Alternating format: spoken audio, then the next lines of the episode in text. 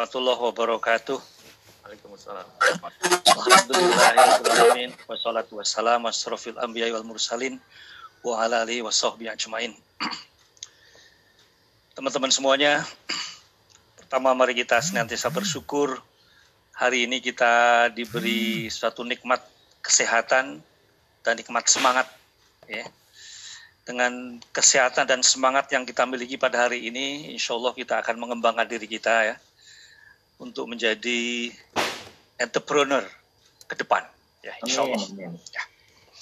Jadi saya tadi tadi waktu diberitahu uh, usia-usia para peserta uh, pelatihan ini antara 30, 35, 40. Saya dulu mulai usaha umur 28 tahun ya. pas banget ini. Jadi kalau kalau teman-teman semua sekarang berusia 30-an ini pas banget inilah. Memang lagi semangat-semangatnya, lagi lagi apa ya? Jadi nggak ada hal-hal apa yang nggak bisa dilakukan itu ya untuk umur-umur segitu nih, ya umur, -umur segitu ya. Jadi saya gembira sekali walaupun saya sekarang sudah berusia hampir 70 tahun ya, tetapi saya masih apa namanya semangat untuk melakukan berbagai kegiatan ya. Baik teman-teman sekalian, saya sudah nyiapkan, saya belum sempat membuka uh, tadi kiriman dari Pak Idan, jadi saya pakai punya saya sendiri aja nggak apa-apa ya, nggak apa-apa ya. Saya akan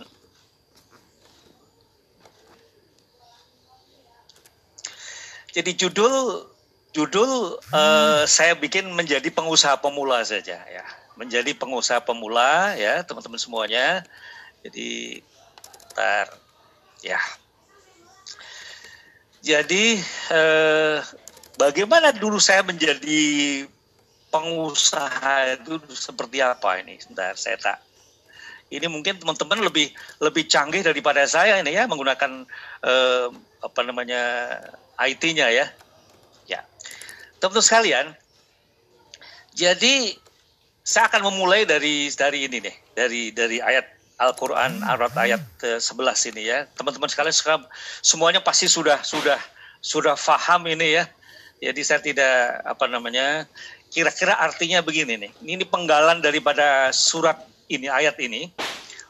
Allah tidak akan mengubah nasib suatu kaum selama mereka tidak mau mengubah apa-apa yang ada pada diri mereka sendiri. Jadi saya ingin meng-highlight ini apa-apa yang ada pada diri mereka sendiri. Jadi intinya Allah tidak akan mengubah nasib kita. Nasib kita seperti apa? Kalau kita tidak mengubah keadaan diri kita. Keadaan diri kita ya pengetahuan kita, ya keterampilan kita, ya kesehatan kita, ya semangat kita, ya kepemimpinan kita. Nah, ini semuanya nih. Jadi kita kuncinya supaya Allah mengubah nasib kita ya kita memperbaiki diri. Intinya mengubah apa-apa yang ada pada diri kita tuh kita memperbaiki diri kita supaya siap untuk menerima tantangan-tantangan di luar diri kita. Nah, ini intinya gitulah. Ya. Jadi hari ini teman-teman sekalian apa namanya sudah apa namanya sudah bersiap diri untuk mengikuti pelatihan ini luar biasa. Ini berarti teman-teman sekalian hmm. adalah menyiapkan dirinya untuk menghadapi perubahan-perubahan yang ada di sekeliling kita. Ya. Uh, teman-teman semuanya, jadi saya dulu terus terang aja saya pindah ke Jakarta itu tahun 72. Saya ikut seorang pengusaha. Saya ikut tinggal di rumah dia, membangun usahanya. Ya, saya saya melakukan hal semua kegiatan rumah tangga saya lakukan itu yang namanya nyuci, yang namanya dulu saya mompa ya, mompa air ya, mompa air untuk dapat air ya, nyuci motornya. Ya. Tapi saya saya perhatikan itulah kisahnya bagaimana dulu saya membangun suatu usaha yang besar. Ya, saya ikut tinggal bersama beliau setiap hari yang dibicarakan itu adalah bagaimana keadaan bisnis yang dia lakukan. Dia dulu punya kursus bahasa Inggris. Ya. Mohon maaf Pak. ya? Slide-nya masih cover, belum running ya slide-nya. Masih Oke, okay, nggak apa-apa, nggak apa-apa. Saya okay, okay. nanti saya ini nggak masalah. Ya. Saya belum ini ya. Oke, okay, dah. Uh, teman-teman semuanya. Jadi saya belajar dari seorang pengusaha. Saya belajar dari seorang pengusaha. Nah, di situlah saya belajar disiplin, saya belajar bagaimana memanfaatkan waktu, ya, sampai dia membuka beberapa outlet-outlet ini. Saya bekerja setiap hari dari pagi sampai malam yang dibicarakan itu usahanya terus saja gitu ya. Kita kita jarang-jarang bicara yang lain kecuali bicara tentang perkembangan usahanya. Nah, oleh karena itu teman sekalian, saya baru berpikir, wah, luar biasa ini ya. Bapak yang saya ikuti ini, ini ya. Akhirnya saya kepingin seperti dia. Saya punya punya model, saya pengen seperti dia. Ya, punya cabang-cabang banyak, wah luar biasa lah. Dia punya kehidupan yang luar biasa. Jadi keinginan inilah ya yang nanti saya akan sampaikan ya. Inilah awal mula daripada dream visi yang kita kembangkan dalam kehidupan kita. Ya. Nah ini kira-kira eh, apa namanya? Nah teman-teman semuanya, ini ini saya sampaikan saya membangun usaha ini nih. Saya membuat kursus bahasa Inggris ini dulu dari kecil banget nih. Dari 20 meter persegi, saya nyewa ruangan di Jalan Tanah Abang 1. Ya. Bayarnya pun pakai barter lagi. Saya nggak punya apa-apa waktu itu. Jadi kalau teman-teman sekarang itu nggak punya apa-apa, persis seperti saya dulu. Persis seperti saya dulu. Ya kita punya ya inilah. Yang kita punya saat ini seperti inilah. Tapi memang Allah Maha Besar, ya. Allah akan uh, apa nama saya saya bersyukur sekali bahwa selama kehidupan saya ini saya selalu dituntun ya oleh Allah untuk menjalankan usaha-usaha ini sehingga luar biasa. Nah, dari kursus yang kecil ini berkembang saya buka tiga cabang, sepuluh cabang, tiga puluh yang sampai sampai pernah 65 cabang. Bisa dibayangkan teman-teman semuanya ya, 65 cabang. Nah, nah, karena kita udah kebanyakan cabang, kebanyakan kebanyakan duit dalam tanda petik ya, saya mulai membuka perguruan tinggi, saya membuka, saya mengambil alih sekolah tinggi bahasa asing, saya mengambil alih namanya SMK Pertiwi, saya mengam, membuka STIE, saya membuka STBA, membuka bimbingan belajar. Ini dari modal yang saya kumpulkan dari kursus di sini, teman-teman sekalian. Ya, jadi ini ini kisah awalnya demikian lah ya. Sehingga sekarang ini kita memiliki cabang-cabang yang banyak. Kita punya kampus-kampus di Jakarta, di Tangerang, di uh, sorry, di Jakarta, Bekasi, Cikarang, Kerawang, ya di Koja ada Kemudian kita juga punya beberapa, kita ada sekolahan di Solo. Ini. Semua semuanya, semua ini bermula dari satu kursus kecil, ya. Suaranya? Suaranya tidak. Suara suara jelas Pak Suharsono, cuman uh, file presentasi tidak jalan ini Pak Suharsono. Oke, oke, nggak ya. apa-apa, nggak apa-apa karena memang saya ini saya saya berhentikan ya. Baik, bisa kelihatan?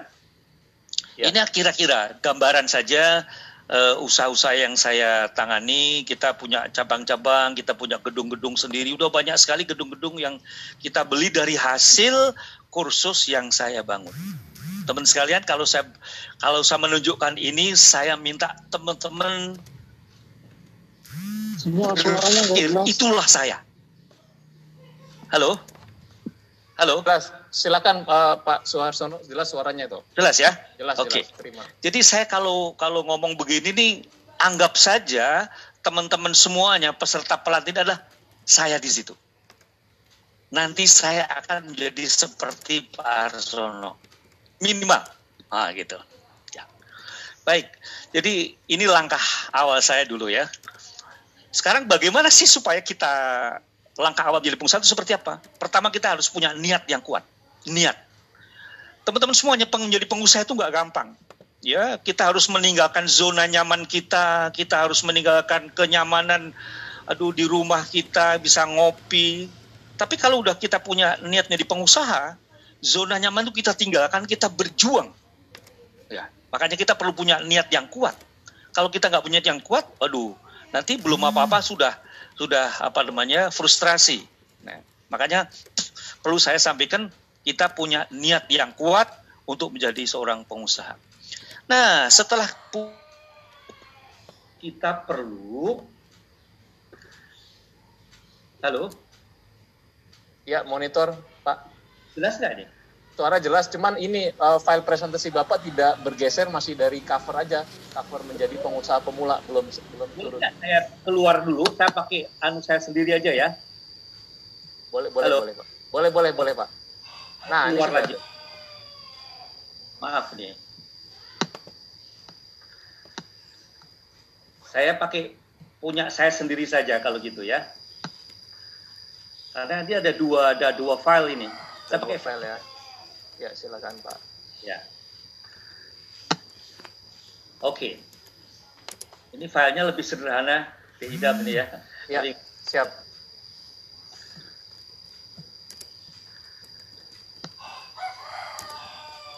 Jadi dalam beberapa hal adik-adik ini semua lebih jago daripada saya. Saya baru belajar saja ini Zoom ini saya belajar seminggu ini ya. Baik, ini tadi sudah saya sampaikan ya. Jadi saya sudah perkenalkan eh, pendahuluannya seperti apa seperti yang saya bangun dari yang kecil, semuanya yang besar pasti mulai dari yang kecil. Ya, perjalanan ribuan kilometer mulai dari selangkah. Nah, kita melangkah saja. Ya. Nah, ini eh, gedung-gedung kita, cabang-cabang kita berbagai wilayah, ya. Nah, jadi pertama, mohon maaf, apakah presentasi saya bisa kelihatan? Jelas, Pak Soeharsono. Jelas. Pak. Jelas. Jadi, teman-teman sekalian, kita harus punya niat yang kuat. Karena niat inilah nanti yang niat yang kuat itu adalah bahan bakar kita apa namanya. Jadi kalau kita tidak punya niat yang kuat, bahan, bahan kita habis, kita loyo gitu lah. Ya, maka saya, saya minta kita semuanya Bismillahirrahmanirrahim, kita berniat menjadi seorang pengusaha. Udah, apa pun risikonya harus kita tanggung. Wah ini. Kemudian setelah kita punya yang kuat, kita perlu melihat model-model usaha. Kira-kira model usaha apa sih yang cocok untuk kita ini ya? Teman-teman sekalian mau kalau eh, apa namanya tertarik pada bidang restoran, nah silahkan di restoran makan nyobain sini nyobain sana, perhatikan ini perhatikan itu. Kita melihat model.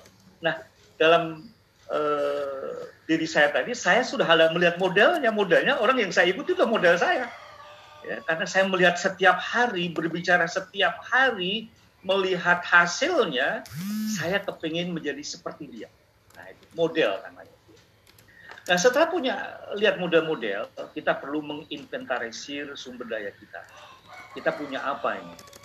Kita punya uang berapa? Kita punya eh, hubungan-hubungan apa saja? Mungkin istri istri kita ini bisa pinter masak, mungkin kita punya saudara yang pinter masak tapi tidak bisa eh, berbuat apa-apa, kita ajak, kita ajak. Inilah sumber-sumber daya. Istilahnya ngelihat-ngelihat kita punya apa nih? Di kantong kiri punya apa, di kantong kanan punya apa, kantong belakang punya apa. Ya kita hitung-hitung supaya nanti bisa mewujudkan apa niat kita. Nah, nah yang penting teman-teman semuanya di setiap usaha apa pun kalau bisa kita punya mentor. Ya, Mentor ini tugasnya untuk mengarahkan kita. Kalau kita lagi ada masalah, kita bisa berkonsultasi sama mentor kita. Kalau kita keliru, kita bet- dibetulkan. Inilah tugasnya mentor. Mentor usaha ini penting. Ya. Cari seseorang yang bisa membantu teman-teman semuanya untuk memberi nasihat. Minimal dia punya usaha yang sedang Bapak Ibu lakukan. Ya. Jadi kita harus harus sama ini ya, usahanya ini. Nah, baik. Eh, saya akan mulai dari inilah. Ini siklus siklus sukses ini ya. Jadi siklus sukses itu teman-teman semuanya mulai dari niat yang kuat tadi ya. Niat yang kuat ini saya namakan di sini dream. Dream itu keinginan kita ya. Kita ingin mem- membuat usaha seperti apa sih ke depan. Ini kira-kira dream nih ya. Jadi kira-kira kalau misalkan kita punya semuanya sumber dayanya, uang, waktu, sumber daya yang lain kita punya, kira-kira kalau kita punya usaha, usaha kita akan jadi seperti apa ini kira 5 tahun, 10 tahun ke depan.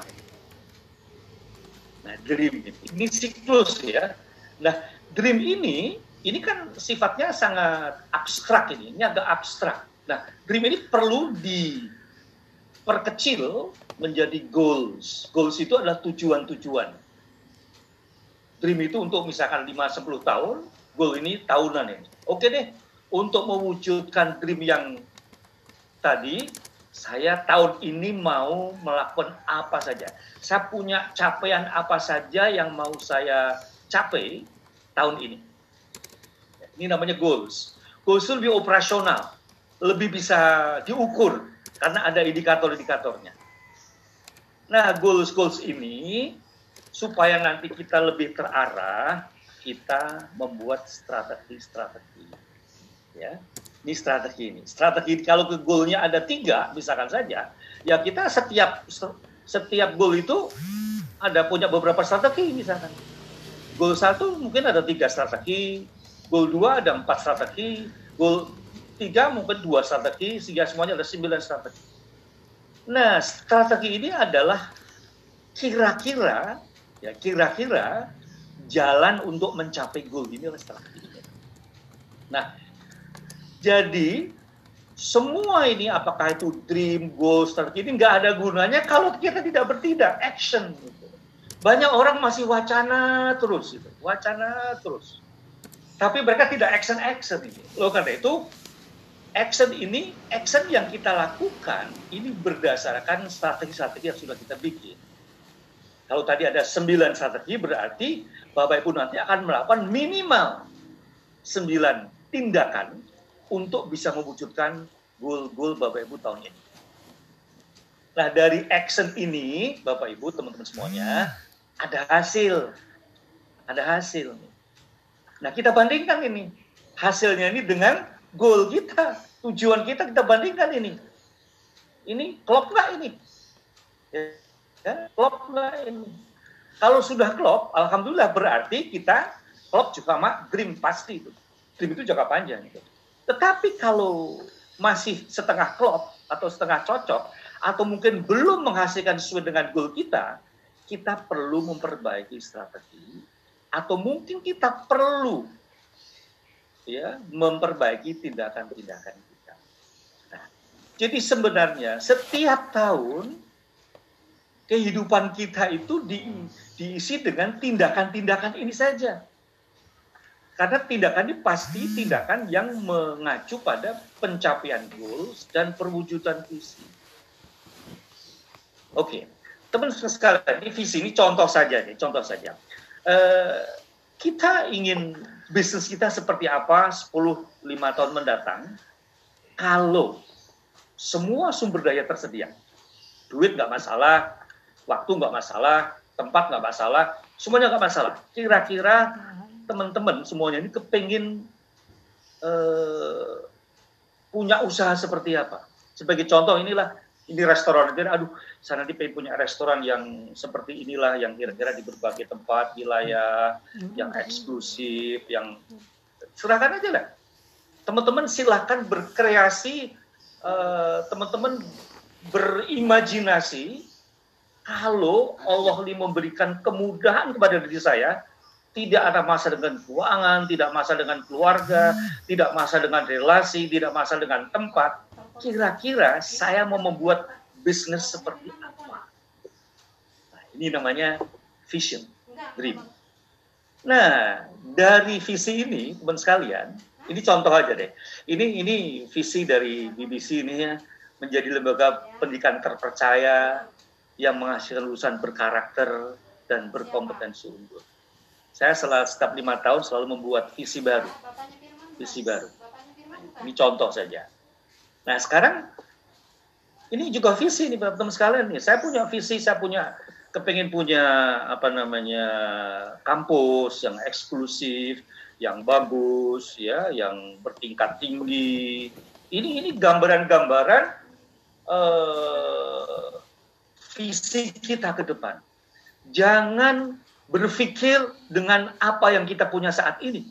Karena visi itu sebenarnya adalah gambaran kondisi bisnis kita kalau semuanya ada. Nah, jadi ini ideal banget ini. Ini ideal sekali. Baik, setelah visi tadi ada goals. Goals itu capaian jangka pendek tahunan. Tahun ini saya pengen bikin produk seperti ini, ya permodalan yang saya berikan segini, saya pengen memasarkan secara ini, saya beberapa tempat seperti ini. Ini contohnya saja, misalkan di dunia kuliner ya, ini produk-produknya saya pengen bikin ayam geprek atau uh, ikan ikan geprek atau apa pun namanya lah yang tempat-tempatnya pun tempat-tempat yang masih sederhana. Ini goal jangka pendek tahunan ini. Tahun ini saya ingin bikin outlet seperti ini, produknya ini, nah itulah namanya goals. Ini sudah sudah menjurus, sudah clear dan sudah bisa diwujudkan. Bisa diwujudkan. Kalau kalau visi ini adalah besar banget, besar banget. Nah, setelah goals, teman-teman sekalian, jadi goals ini adalah sifatnya tahunan, ya, sifatnya tahunan, Nah, untuk mencapai goal-goal ini, teman-teman perlu mengembangkan namanya strategi-strategi. Misalkan, ya, produknya ini bikin gini lah ya. Strategi satu, saya uh, observasi uh, restoran-restoran yang paling laku. Nah, misalkan diobservasi aja itu bagaimana apa keadaan di restorannya, ya silakan aja. Kemudian Kedua, saya belajar ikut kursus kursus kuliner. Oh, ini kan oh, ini strategi ya kali strategi tadi. Tapi dengan produk ini, dengan tempat seperti ini, teman-teman nanti akan mengembangkan namanya strategi strategi. Ini strategi. Jadi strategi itu adalah alternatif langkah-langkah yang kita lakukan untuk mencapai goal-goal kita. Jadi misalkan teman-teman untuk berapa produk yang bagus teman-teman kursus kursus kuliner ya sang kursusin istri saya sang kursusin keluarga saya untuk jadi chefnya nanti tukang masaknya. Ya saya mulai membangun jaringan pemasaran online. Ini adalah strategi-strategi teman-teman sekalian itu. Jadi strateginya belajar online belajar media sosial mengembangkan kemampuan IT ini strategi ya bukan goal kita strategi kita. Strategi untuk memudahkan pencapaian goal-goal yang kita tetapkan. Nah dari strategi ini kita melakukan. Jadi kita melakukan tindakan-tindakan. Nah inilah kelemahan kita biasanya ya. Kita ini wah canggih kita ini. Wah klipnya besar goalnya besar terarah strateginya udah oke. Okay. eh begitu melakukan mereka nggak melakukan. Mereka berwacana terus lah. Salah satu kelebihan seorang pengusaha adalah action. Ya, kadang-kadang orang pengusaha itu action dulu baru mikir belakangan. Ini ini kelebihannya pengusaha ya. Karena itu the power of now. Kekuatan daripada bertindak saat ini itu luar biasa. Ya, jadi ini Bapak Ibu, teman-teman sekalian melakukan strategi-strategi, melakukan berbagai kegiatan, ya, berdasarkan strategi yang sudah dibikin. Ada 9 strategi, ya paling tidak Bapak Ibu, teman-teman sekalian melakukan 9 kegiatan ya, dalam melaksanakan strategi itu. Kalau teman-teman ini sudah sibuk melakukan hal-hal ini sepanjang tahun, teman-teman, you are on the right track. Ya, karena kita sudah melakukan hal-hal untuk mencapai goal-goal kita dalam mewujudkan visi kita. Nah, yang terakhir result. Result ini adalah hasil dari tindakan kita. Hasilnya kita bandingkan dengan goal kita. Iya, kita bandingkan ini. Apakah mendekati goals atau setengah mendekati goals atau masih jauh dari goals? Misalkan saja hasilnya ini wah kita sudah mengembangkan eh, apa namanya saya udah eh, bikin jaringan eh, pemasaran online ya, grab food ya, dapurnya di rumah aja kecil aja tapi tapi jualannya jalan terus online ini. Teman sekalian saya punya tetangga di depan rumah saya ini. Tetangga rumah saya tuh kayak soblong aja kaos kaos singlet aja kaos singlet duduk di depan aja. Apa? Tapi setiap hari itu banyak sekali itu Gojek Grab yang datang ke tempat dia. Dia jualan buah. Hanya jualan buah. Ya tapi jalan terus itu. Jalan terus. Di depan rumah saya ya di depan rumah saya. Ya. Jadi teman-teman sekalian, result hasil dari apa yang kita lakukan ini kita banding. Apakah sesuai dengan goal-goal yang mau saya capai tahun ini. Nah, jadi kali ini saya saya sampaikan ini ya, ini kelihatannya sederhana, tapi ini jadi siklus sukses itu berulang-ulang terus menerus, terus menerus, ya dream, goal, strategy, action, result. Kegiatan kita nanti, teman-teman sekalian, hanya melakukan tindakan-tindakan berdasarkan strategi yang kita bikin dalam mencapai goals. Kalau goalnya kecapai, kita pasti mendekat pada dream, pasti, pasti. Ya, jadi ini siklus sukses ini luar biasa. Memang sederhana, tapi kalau kita lakukan akan menghasilkan hal yang luar biasa. Kalau kita konsisten, persisten, ikuti terus saja. Ya. Baik, teman-teman sekalian, jadi seperti yang saya sampaikan tadi bahwa hasil tindakan-tindakan itu kita banding sama goal yang tadi ditetapkan. Yes. Apakah hasilnya seperti goal atau mendekati atau jauh? Ya. Hasil result ini nanti untuk mengubah strategi kita, mengubah uh, tindakan kita, bukan memperbaiki ya, memperbaiki untuk memperbaiki strategi kita, untuk memperbaiki tindakan kita supaya kita bisa mencapai goals. Bila hasilnya jauh, kita perlu memperbaiki strategi pencapaiannya. Ya. Setiap tahun, setiap tahun teman-teman sekalian, misalkan teman-teman sudah mulai berbisnis, kita perlu membuat goal-goal baru setiap tahun. Jangan puas dengan apa yang ada saat itu. Goal barunya apa? Kalau sekarang sudah punya satu outlet, aduh, tahun depan bisa membuka outlet. Misalkan saja. Kalau tahun ini kita sudah membuat satu produk ya makanan ini contoh saya contoh makanan sederhana aja ya. Tahun depan saya mau bikin menu lain, menu lain. Ini adalah goal-goal yang akan teman-teman uh, lakukan. Setiap tahun kita harus menetapkan goal-goal baru yang mau dicapai, goal-goal yang berdasarkan diri kita ke visi kita. Mencapai goals berarti kita berada di jalan yang benar. Yeah. Jadi kalau goal itu kecapai, kita udah benar kita itu. Tapi kalau eh, kalau kita tidak mencapai, berarti kita bukan goal yang salah, tetapi mungkin strategi perlu diperbenahi, mungkin tindakan perlu diperbaiki. Intinya bahwa kalau kita mencapai goals kita, berarti kita yang benar dan kita mendekat pada dream atau visi kita. Sukses itu adalah mencapai goals, mencapai tujuan. Sukses. Jadi kalau teman-teman punya goals, teman-teman mencapainya, berarti teman-teman adalah orang yang sukses. Tapi kalau belum mencapainya, berarti kita belum sukses. Yes. Baik, ini kira-kira setengah jam ya. Saya paparan saya mungkin kita masih ada setengah jam untuk apa namanya berdiskusi ya berdiskusi uh, untuk penajaman daripada materi tadi saya. Terima kasih Pak Idam. Saya kembalikan pada Pak Idam untuk apa ya memandu diskusi kita.